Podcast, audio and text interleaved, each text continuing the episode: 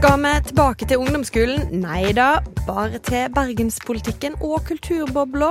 Velkommen til Noen må gå, en podkast fra Bergenstidene. Jeg heter Gerd Kjellflå, du er kommentator her, og sitter med Eiren Eikefjord. Hallo, hallo. Og Jens Kiel. Hei sann, Patrick Sveisan. Eh, og er det noen av dere som har vært forutseende nok til å hamstre Zalo-flasker som dere nå kan selge på dyrt på andrehåndsmarkedet? Nei, men jeg har ligget i telt utenfor Vinmonopolet for å få tak i det der. Så jeg legger listen der istedenfor. Altså, vi har alle våre husholdningsproblemer å stri med. Yes, sånn er det. Eh, Dette er jo en eh, gratis eh, episode. En Ja. gang i måneden har vi det.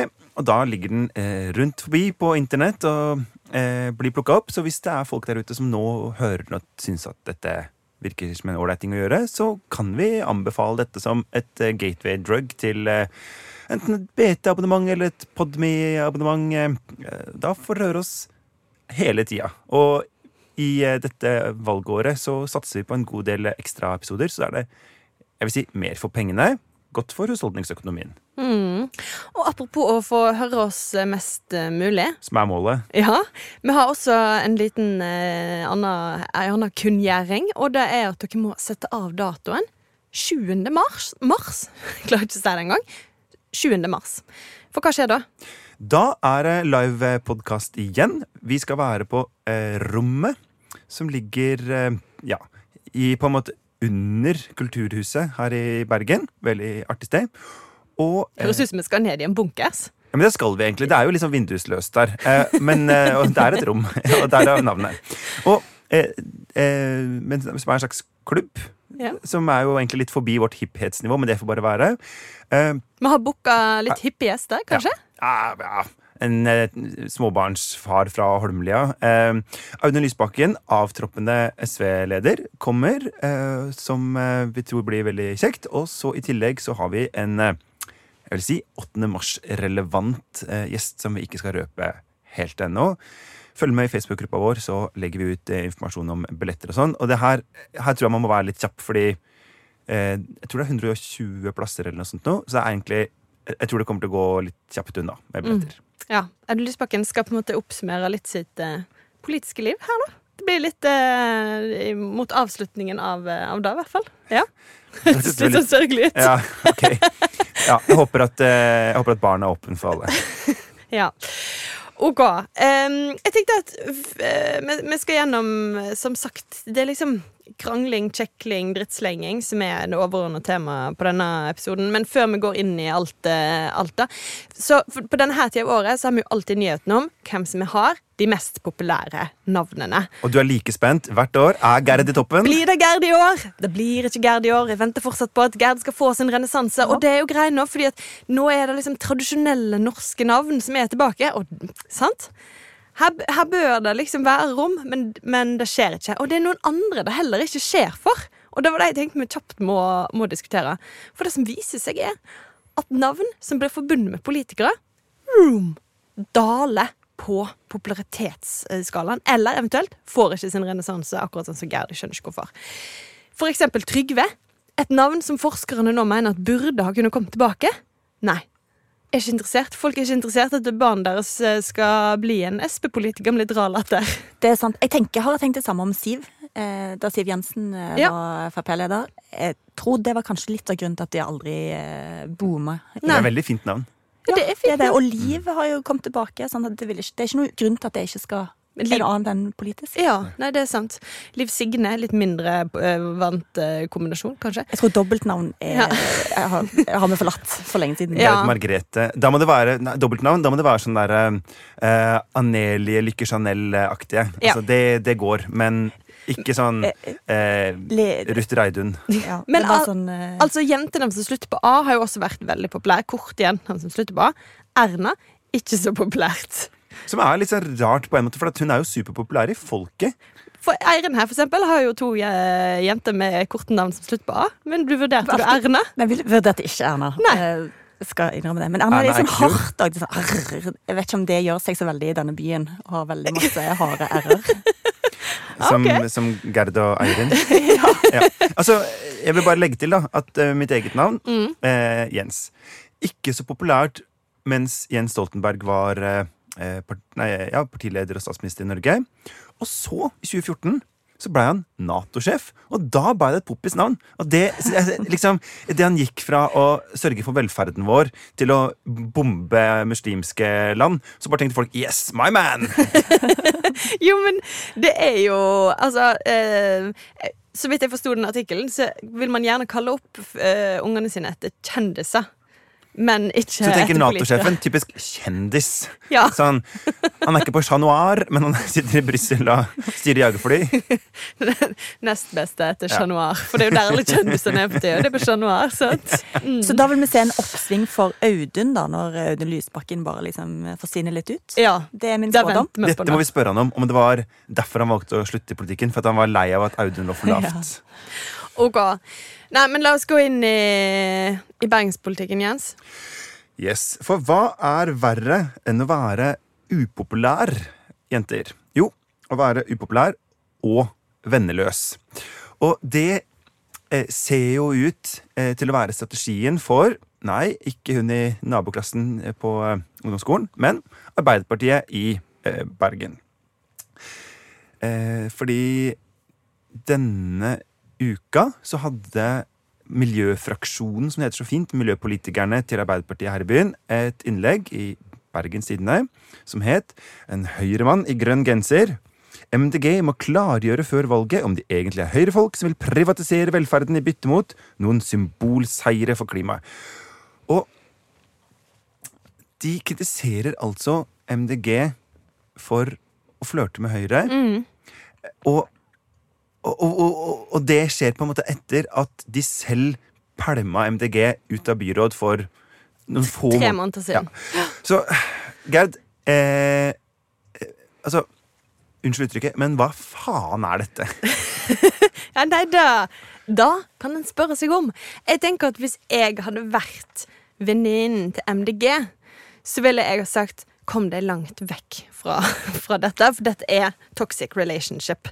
Eh, Han er ikke bra for deg, Nei, liksom. det her er noe sånn the game shit som du ikke har lyst til å Hva er the game, bare for de som ikke kjenner referansen? Altså det er jo den her, Du skal bryte folk ned sånn at de egentlig vil ha Altså kvinner da Menn skal bryte kvinnen ned, for da vil hun ha dem mer. Ja. Så det er kanskje da Arbeiderpartiet Kanskje noen der leste den boken. Den var veldig populær på 90-tallet, tror jeg. Så kanskje de har lest den nå og, og funnet ut den måten å få tilbake MDG på. Jeg vet ikke, nei, Det er helt, det er helt absurd å se at, eh, at de da Ja. For de kaster de jo ut på et virkelig sånn ydmykende vis. Ja. Vi kan jo, før vi går videre, høre et uh, lydklipp der uh, uh, førstekandidat eh, nå og eh, gruppeleder for eh, MDG i Bergen, Tor Håkon Bakke, eh, så lystig fortelle litt om hvordan det føles den dagen han ble pælma ut etter fra pressekonferansen hans. Det kjennes som et eh, kraftig tillitsbrudd at Arbeiderpartiet nå bryter med oss. Og det er skuffende og trist at de kun har hatt én samtale med oss i løpet av de siste ukene før de fattet sin konklusjon, mens vi har vært på jobb hver eneste dag for byen.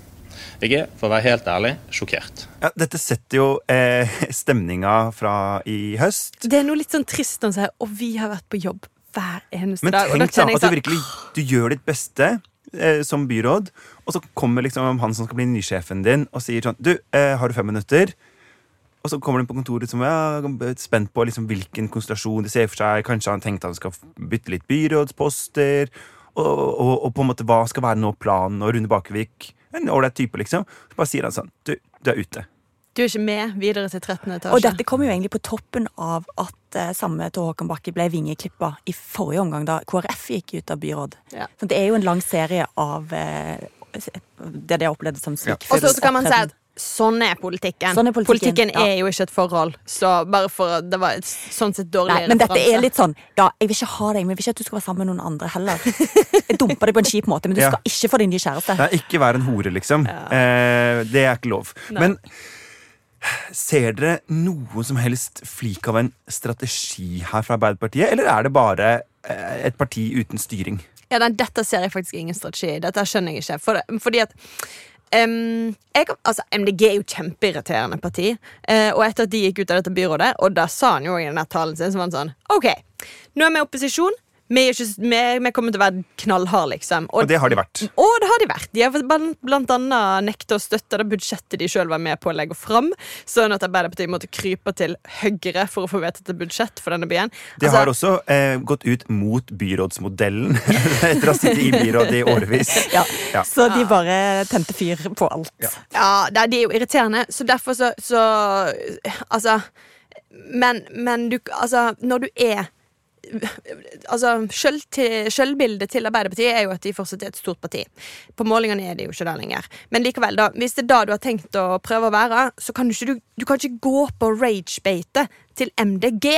Da må du jo gå inn på et rom, skrike inn i en pute, og så kommer du ut igjen, og så tar du det helt med ro. Ja, Som vi andre gjør. Eh, det kom eh, for et par dager siden en måling fra partiet Høyre, som ligger ute på Polo Pols, eh, verdens beste nettsted, som eh, slags eh, Jeg vil si det er det eneste nettstedet som er en, en venn av podkasten. Eh, og eh, vi kjenner jo ikke alle bakgrunnstall, og sånt, men, men selve målinga gir jo likevel et bilde av Bergen som ligner mye på sånn som det har vært før. Arbeiderpartiet er nå mindre enn SV pluss Rødt eh, til sammen. Det har det vært en stund. Ja. Mm. Så de sliter jo bare forferdelig mye. Men det som er litt interessant på den eh, målinga, det er at Frp pluss Høyre, de har 30 eh, plasser i bystyret.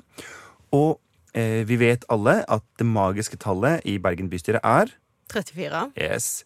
Sånn at For eh, å få flertall, ja, altså. og så er det to plasser til som går. Én plass til denne Bergenslista, de som vil ha Bybanen i tunnel bak Bryggen. Og én plass til dette Industri- og Næringspartiet, altså 32. Sånn at resten av partiene, de som i dag har støtta eh, på en måte, Eller vært med og samarbeidet med Arbeiderpartiet i og rundt eh, byrådet, de har flertall.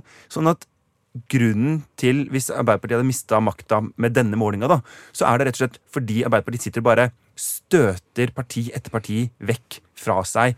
Eh, liksom Lesebrev for lesebrev. Le, altså det, Ja, altså, OK. Ja, på en måte. Men samtidig, da. På denne målingen, som ja, Høyre jo da sjøl har eh, vært oppdragsgiver for, så klokker de altså inn på 36,4% Og jeg veit ikke, ville du gått til de på 17, eller ville du gått til de på 36? eh, altså Fordelen med å ikke gå til de på 36 er jo at eh, de på 36 har jo ikke sånn kjempemye å gi til andre. Men så, sånn har det jo vært en stund, og da var jo på en måte analysen for en tid tilbake, kanskje før sommeren, at det er ganske jevnt mellom blokkene. Arbeiderpartiet har mye lavere oppslutning, Høyre har kjempehøy oppslutning. Men fordi Arbeiderpartiet har så mange venner, Ja. så eh, kan de gjøre det like bra. Men nå, nå rakner jo den teorien litt. Ja, den gjør det. Og så skal det, også for å komme med en liten sånn eh, et forbehold til, da, siden det tydeligvis blir min kjedelige oppgave her. Eh, ja, Jeg må sånn bare himle litt med øya her borte. Ja. Men eh, Få høre, da. Mor. Så er det jo sånn at det som har blitt rydda av veien siden sist nå, er jo bybanesaken, på et vis. For nå har Høyre, hvis de får programmet sitt gjennom i sitt eget parti, som jo er et usikkerhetsmoment, um, det skjer senere denne måneden, så eh, har altså Høyre bestemt seg for å på en måte gå videre i livet. De vil ikke ha noen omkamp på om Bybanen skal gå over Bryggen, langs Bryggen. Eh, og dermed så gjør de det mulig for sentrumspartiene å komme deres vei. Og så skal det jo sies at sentrumspartiene av ymse årsaker nok ønsker seg mot Høyre etter hvert, da. Ja.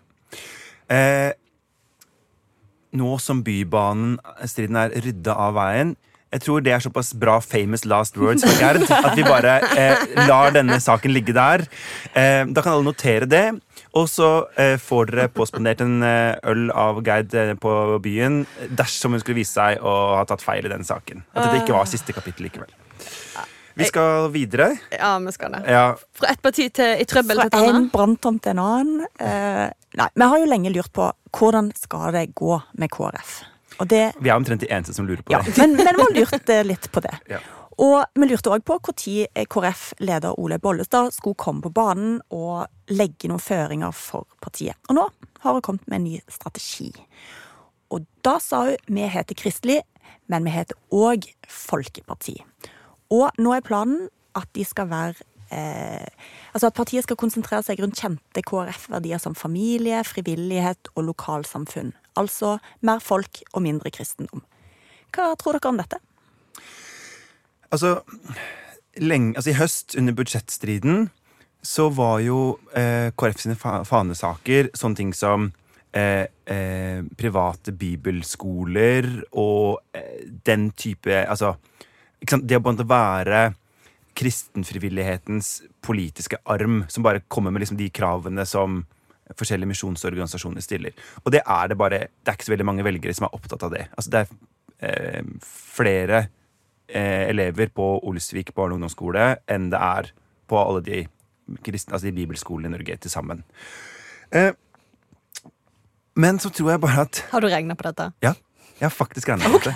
OK! Altså, ikke, For nå tenker jeg ja, ok, nå bare jazzer han. Men nei, nei, det er cirka Jeg lurer på om jeg jeg kom fram til et tall sånn 800 eller et eller annet. Men den er grei. Kanskje færre. Eh, uansett, så dette er i hvert fall bedre.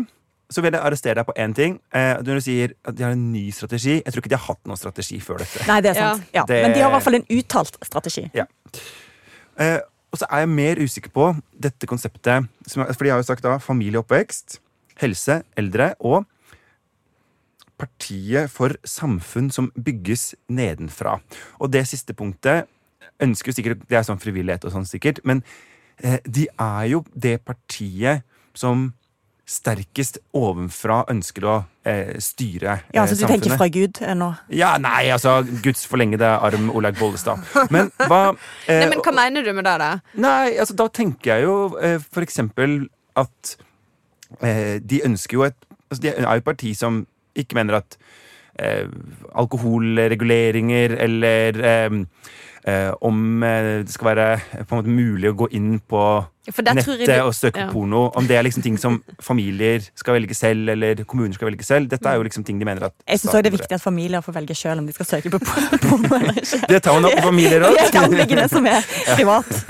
Men, eh, og det finnes jo en kandidat eh, her i byen som definitivt er på linja samfunn skal bygges eh, ovenfra med, med reguleringer. Eh. Og da tenker du på Joel Ystebø, som er den nye førstekandidaten her i Bergen. Og han har kanskje andre planer. La oss høre litt på dette. Vi går nå inn i vårt fjerde tiår med en liberal abortlov, og det har vært en tragedie for Norge. Den amerikanske artisten Matthew West har skrevet sangen All Untold. På norsk heter han Ufortalt. Og et utdrag fra sangen lyder som følger. Legen sier 'mitt liv kan velges bort'. En feil du enkelt kan kvitte deg med. Jeg har kanskje ikke en stemme, men jeg er mer enn et valg. Jeg er en ufortalt fortelling. Og siden 1978 har vi i Norge opplevd nettopp dette. Over 600 000 ufødte barn som ikke har fått sett dagens lys. 600 000 fortellinger som aldri blir fortalt. Men eh, denne Joel Ystebø han er jo ingen ufortalt fortelling sjøl. For han har jo gjort litt av hvert i sitt 21 år gamle liv. Ja, her hørte man jo på Oslo Symposium i 2021, der han eh, talte til forsamlingen. Dette er jo en konferanse som Blant annet faren hans er med å drive. Ja, absolutt. Ganske svære greier. da Det er ikke bare for Ystebø-familien. Selv om Ystebø-familien er jo et veldig sånn, kjent navn i Kristen-Norge. får Han si. Altså, han er da sønnen til den tidligere Norge Dag-redaktøren Bjarte Ystebø, ja, som også da er bak denne Oslo Symposium, som er en kristen-konservativ eh, Veldig konservativ. Altså, Ja. eh, et eh, høydepunkt for min del var da Knut Arild Hareide var der som KrF-leder og ble bua ut for å være kritisk til Donald Trump. Ja, sant? Og da var stemningen i 2017, nei, 2016 Jeg vet ikke om de er så Trump-tilhengere lenger. Eh, det har jo blitt litt annerledes, men sånn er det. Men ehm, eh, Nei, han er Joel Ystebø har jo på en måte vært i offentligheten. Selv om han nå er 21, så har han vært der. Siden han var 13, kanskje, så har han engasjert seg i kampen mot, eh, mot eh, abort, som vi jo hørte han snakke om her. Eh, om eh, sant, eh, retten til å ikke bli, som han kaller det, hjernevaska, om evolusjonsteori i skolen, osv. osv. Han er ikke en fyr som kvir seg for å gå inn i de betente verdispørsmålene, for å si det I sånn. hvert fall ikke har kvidd seg. Vi hadde et intervju med han i BT. Eh, hvis jeg kan få lov til å sitere litt. Det kan du. Altså nå, et nytt intervju. Ja. Eh, for han har jo da eh, Ikke sant? Eh, Aftenposten skrev han at eh, abort kan være et feilvalg, og at homofilt ekteskap er galt, og så er han mer forsiktig nå. Det er viktig å uttrykke seg på en måte som ikke polariserer unødvendig. Så spør vår eh, journalist eh, Kjetil hvordan vil du uttrykke deg i dag. Jeg tror fortsatt på ekteskapet mellom mann og kvinne. Politisk må en imidlertid ha rett til å organisere sitt samliv som en ønsker. Jeg elsker å organisere mitt samliv politisk. Eh, synes du homofile skal ha rett til å gifte seg? Jeg anerkjenner at det ikke er noe politisk grunnlag for å gjøre noe med det nå. Ja. Så sånn, der er vi liksom Diplomatisk, eh, eh, Det er på en måte en eh, diplomatisk avvisning av retten for alle til å gifte seg, da. Ja. Sånn er det. Men ja, altså eh, Nei, jeg tror jo at Joel Ystebø eh, han, er kanskje, han blir kanskje litt forsiktigere nå når han har vært, blitt Bergens eh, førstekandidat. Men om han er med på hele med kristelig, men først og fremst Folkeparti, som jo er en liten avkristning fra Olaug Bollestad eh, Ja. fra sentralhall. Stryk kristenkorset av ditt flagg. Ja. Heis det rent og rødt. Og så er det jo en intern debatt i partiet om dette, annet førstekandidaten i Oslo, som mener at de vegrer seg for mye i verdispørsmål om å ta disse polariserte debattene. Så det er jo ikke helt gitt at du får partiet med seg eh, Nei, og det er jo sted spennende, denne nestlederstriden Mm. mellom Ida Lindtveit Røse og hun eh, Jorunn eh, Lossius ja, Gleditsch Gleditsch Lossius. Mm. fra Agder, hvor eh, Røse, som har vært eh, KrFU-leder, og mens hun var eh, vikar som barne- og familieminister, gikk i Pride-parade. Mm. Og hun eh, Lossius, som er jo veldig eh, abortrestriktiv, blant annet. Ja. og har, har profilert seg på den kampen. Nei, eh, enig. Det er, virker jo ikke som at dette partiet enes. Altså, de, de samler seg ikke bak Olaug Bollestad, eh, virker det som, i en slags Og det er jo litt sånn KrF er. De er jo et i særklasse lite toppstyrt parti. De er et parti som bygges nedenfra, som ville de sikkert sagt. Og, ja, men, og det handler jo litt om det, da, for selv om du sier at de er så De er liksom det partiet som mest vil styre folk ovenfra, ja, i en del spørsmål. Ja. Eh, det går ikke det an å argumentere mot. Spørsmålet som jo inngriper i virkelig i liksom privatlivet til folk. Sant? Abort, eh, alkohol og, og disse tingene.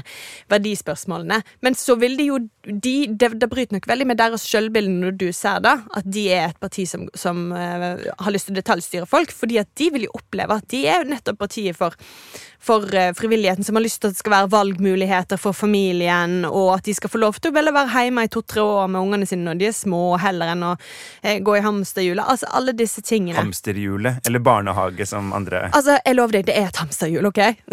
yes, det, Eiren, Eiren er på, her er vi på KrF-sida. Ja. Det er et hamsterhjul. Jeg tenker jo, ok, hamsterhjul. Eh, dere er på KrF-linja, og jeg tror jo at eh, det er bedre at eh, Olaug Bollestad prøver å ha en strategi, enn det som har vært strategien til nå, nemlig å ikke ha en strategi og bare la alle KrF mene hver sin ting. Eh, og at hun har prøvd å gå etter der det finnes velgere, istedenfor der det ikke finnes velgere. Ja, Det gir jeg liksom Det vil jeg anerkjenne, da. Ja.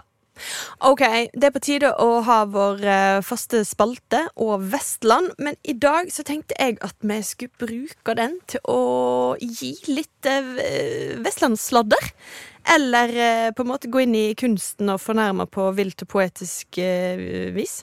Fordi en stor snakkes i Bergen det siste uka. eller jeg vil i hvert fall si visse kretser i Bergen den siste uka har vært forfatter Thomas Espedal sin vi må si uforskamma og uprovoserte angrep på sine forfatterkollegaer Olaug Nilsen og Agnes Ravatn.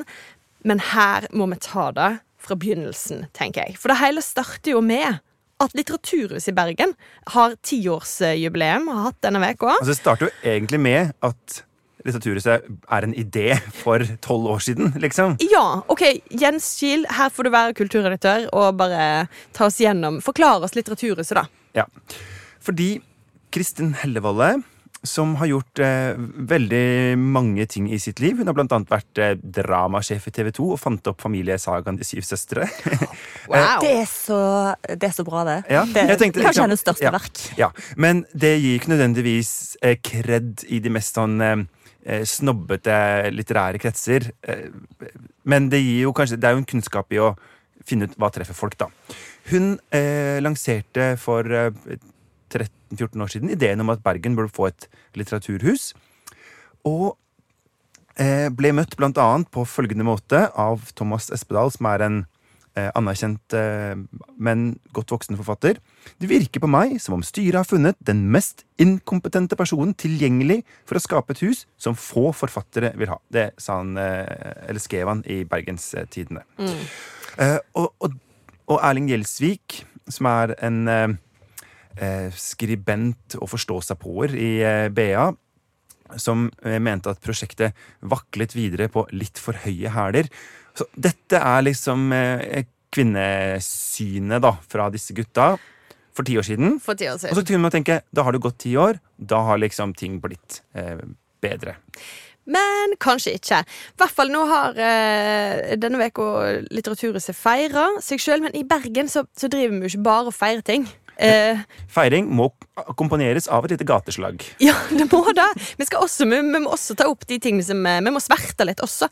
Sånn at eh, nevnte BA, vår konkurrent eh, her, de ringte jo da selvsagt Thomas Espedal opp igjen ti år etterpå for å høre hva han syns om Litteraturhuset nå. Eh, og da eh, svarte han. Litteraturhuset er kanskje også bra for forfattere som Agnes Ravatn og Olaug Nilsen og forfattere fra småsteder som gjerne vil ha en scene i byen. Men Bergen er tross alt en by med universitet og høyskoler og en del over middels intelligente folk som også fortjener sitt sted, et bysted for en krevende litteratur. Og dermed så har jo Thomas Espedal drept all videre diskusjon, og det eneste vi kan gjøre nå, er å poppe popkornet og bare se hvor dette skulle ta oss. Ja, for det som er, da, er at eh, Jeg hadde tenkt jeg skulle skrive en kommentar i anledning tiårsjubileet til Litteraturhuset. Eh, og, og det er ting å være kritisk til ved det. Altså, på, på en måte, Har det egentlig funnet en har det en linje, eller har, liksom, hva er det, hva, hvilken type litteratur er det det løfter fram, eller øh, hva er det som ikke er så spennende der i dag, og sånt noe. Men idet han eh, gikk ut der, liksom i den stilen, eh, mot sine kvinnelige kollegaer, så kjente jeg sånn nei, Vi får liksom bare prøve å, eh, å slå ring rundt de som de damene som prøver å få til ting i denne byen, heller enn de gutta som bare vil stå utafor og liksom rape. Ja, og så eh, skal det sies at eh, Olaug Nilsen, da, som jo ble dratt i dette Altså, de ble dratt inn i dette helt sånn uforvarende. Det der med, altså Uprovosert. Det var ikke noe foranledning til at akkurat de skulle name-droppes, to Agnes Ravatn. Um, uh, men hun hadde et ganske sånn fantastisk comeback på Facebook. Hun tok rett og slett en Greta Thunberg og skrev Yes, please enlighten me om forfattere fra det urbane Bergen som skriver vanskelig nok for de over middels intelligente. Mail meg på smalldickenergy at getalife.net. Og da er det i hvert fall poppe-popkorn-stemning. Helt fantastisk. Men altså, kan vi se på denne fornærmelsen til Espedal? For den har jo så vanvittig mange lag. Altså, den har jo alle lag. Eh, altså Først og fremst laget eh, veldig teit. Um, men eh, den, eh, den eh, han, altså, det, det var uprovosert mot Ravatn og Olag Nilsen. Jeg kan jo legge til at Ravatn Nei, altså at Olaug Nilsen er også bokmelder her i Bergenstiden, da. Men at um, eh, Men de har jo vært i noen diskusjoner før, blant annet da han ga ut sin forrige bok, 'Elsken', hvor han ehm, Som er en sånn virkelighetsroman hvor han blant annet frikjenner seg fra en voldtektsanklage. Og, og, og den har jo øh, Han er ærlig om at dette stammer fra hans egen virkelighet. Og hvor Olaug Nilsen var veldig hardt ute og sa eh, at dette er rett og slett eh, Ja, hun tok kvinnens side i den saken, da. Ja, for det som skjedde da, var jo at eh, en avdekket at det faktisk var en virkelig hendelse. Han ble anklaget for, for voldtekt, og så skriver han et sånt forsvarsskrift i romanform. Der han prøver å renvaske seg sjøl. Ja. Og da ble det mye debatt. Ja, det er jo ikke så rart at det framprovoserer litt eh, debatt. Og han blant annet også, vår anmelder Erlend Lisberg, som trakk frem at han i dette renvaskingsforsøket trakk fram masse helseopplysninger fra denne kvinnen, og det var, ja, det var ganske stygt, da. Eh, Så dette Han er ikke en fyr som går stille i dørene sånn Nei, på generell sånn at, eh, basis, da. Ole Nilsen og han har jo diskutert det før. Eh, Agnes Ravatn har vært en av de som har vært mest opptatt av å løfte fram at litteraturfeltet trenger et metoo-oppgjør og eh, et bedre etisk både rammeverk, men også en forståelse, da. Mm. Så dette Det er jo egentlig en eh, feminismekonflikt, eller hva man skal si, i bånn også her. Ja, fordi det, for, Ok, for på overflaten så ser det mer ut som at han jo eh, bare trasher alt de har gjort, og avskrive det som ikke krevende, krevende nok Det er liksom litteratur. jen- jenter fra bygda. Og Jenter fra bygda, som jo er æsj. Jenter fra bygda som kommer til byen og bare vil ha en scene. Utrolig irriterende gjeng. Og så gjeng. er det jo en fornærmelse mot alle de forfatterne fra småsteder, som egentlig er den store litteraturen. Og Ja, det er jo det som er blitt så pinlig, da. hvem er det han liksom Hvem er det han vil jo ha igjen? da? Er det han og Georg Johansen som skal være de eneste som sitter igjen med sånn For de som er født i Bergen sentrum. Bergen sentrum! Ja, for det er, jo det er jo noe med det at eh, jeg tror eh, Thomas Espedal har skrevet eh, gode og viktige verk, men eh, ute i verden så vil nok folk tenke at Olav H. Hauge eller Jon Fosse er på en måte hakket større, da. Henholdsvis fra Ulvik og Strandebaum. Eh, Ja. Nei, det, det blir smått. Det blir smått. ja. Også, Men- ja, ja, for- la oss gå videre. Ja, for jeg, altså, dette her blir jo fort til en sånn Å, dere i Bergen krangler om så uforståelige ting. Dette er så bergensk krangling. Særbergensk krangling. Men det blir litt lett å avfeie dette som, som særbergensk. Altså, jeg må bare si at jeg elsker å bo i denne byen. Og jeg elsker eh, veldig mye med den. Altså, det Mye av kranglingen òg, egentlig. Ja, at det at, eh, at denne byen faktisk tar på alvor seg selv og sier at eh, ok, endringer eller ikke-endringer, det skal debatteres skikkelig. I Oslo så er det sånn så dukker det opp et bygg på 120 meter uten at noen hadde prata det på forhånd, for at ingen bryr seg om sin egen by. sant? Men det jeg hater, og virkelig hater, det er at dette rølpet her, som jo bare er sånn eh, bare drittslenging. Det er liksom doveggkvalitet over det Det er ungdomsskolen. ja, skal liksom få en sånn derre Å, vi er i Georg Johannessens by. Vi tåler en frisk debatt. Å, vi er så store retorikere her. Så er det sånn ikke sant, Sånn som Erling Gjelsvik, som bare eh, skriver jevnlig sånn de verste ting om rusavhengige, eller hvem det måtte være. Og at det liksom skal være en sånn Vi er sånn frisk og tidig og Vet du hva, jeg syns det er bare det er en håpløs måte å argumentere på, og det gjør byen vår dårligere. All right. Ok, Jeg tror kanskje at vi herifra bare går rett over i vårt første spørsmål. Er det noen som må gå, eventuelt eh, kanskje heller da enn å leve et vilt og poetisk liv denne uka? Oi, har jenta fra bygda lært seg en eh, litterær referanse? Ja, Jeg har jo selvfølgelig aldri lest den boken, det er litt for krevende for meg. Ja. Nei, eh, jeg tror kanskje partistrategene i Ap i Bergen Ja, Du begynner der, faktisk. Ja, ja, De kan gå. ja Eh, Og Men får partistrategene i KrF, de får bli litt til? De lar vi få bli. Ja. de trenger å jobbe litt mer, faktisk. Og så eh, er det helt fint hvis Thomas Espedal tar seg en god runde eller to rundt lokalet. Ja. Ja, før han får komme inn igjen. Ja. Ja. OK. Um, innspill og tilbakemeldinger de sender du til nmg.krøllalfabet.no eller i Facebook-gruppa vår Noen må gå. Der det også kommer info om eh, 7. mars-arrangementet. Jeg gleder meg sånn til at jeg endelig skal få en scene i byen. Som den lille jenta fra bygda som jeg er. Ja, og det er jo fra en veldig liten bygd òg, så det blir en bitte liten Og heldigvis så er det en del over middels intelligente folk i denne byen. Nei, det tror jeg ikke vi skal Ja. Ja, du har jo gått på universitet, du. Ja, Tenk på Hun er jo Tenk fra det. byen, på en måte. veldig mottagelig for krevende litteratur. har du vært i Rogaland? Det er et byfritt fylke. Ok. Intromusikken var bergenser av Bjørn Torske. Produsent er Henrik Svanevik. Tusen takk for at du hører på, og ha det godt. Hei da Ha det.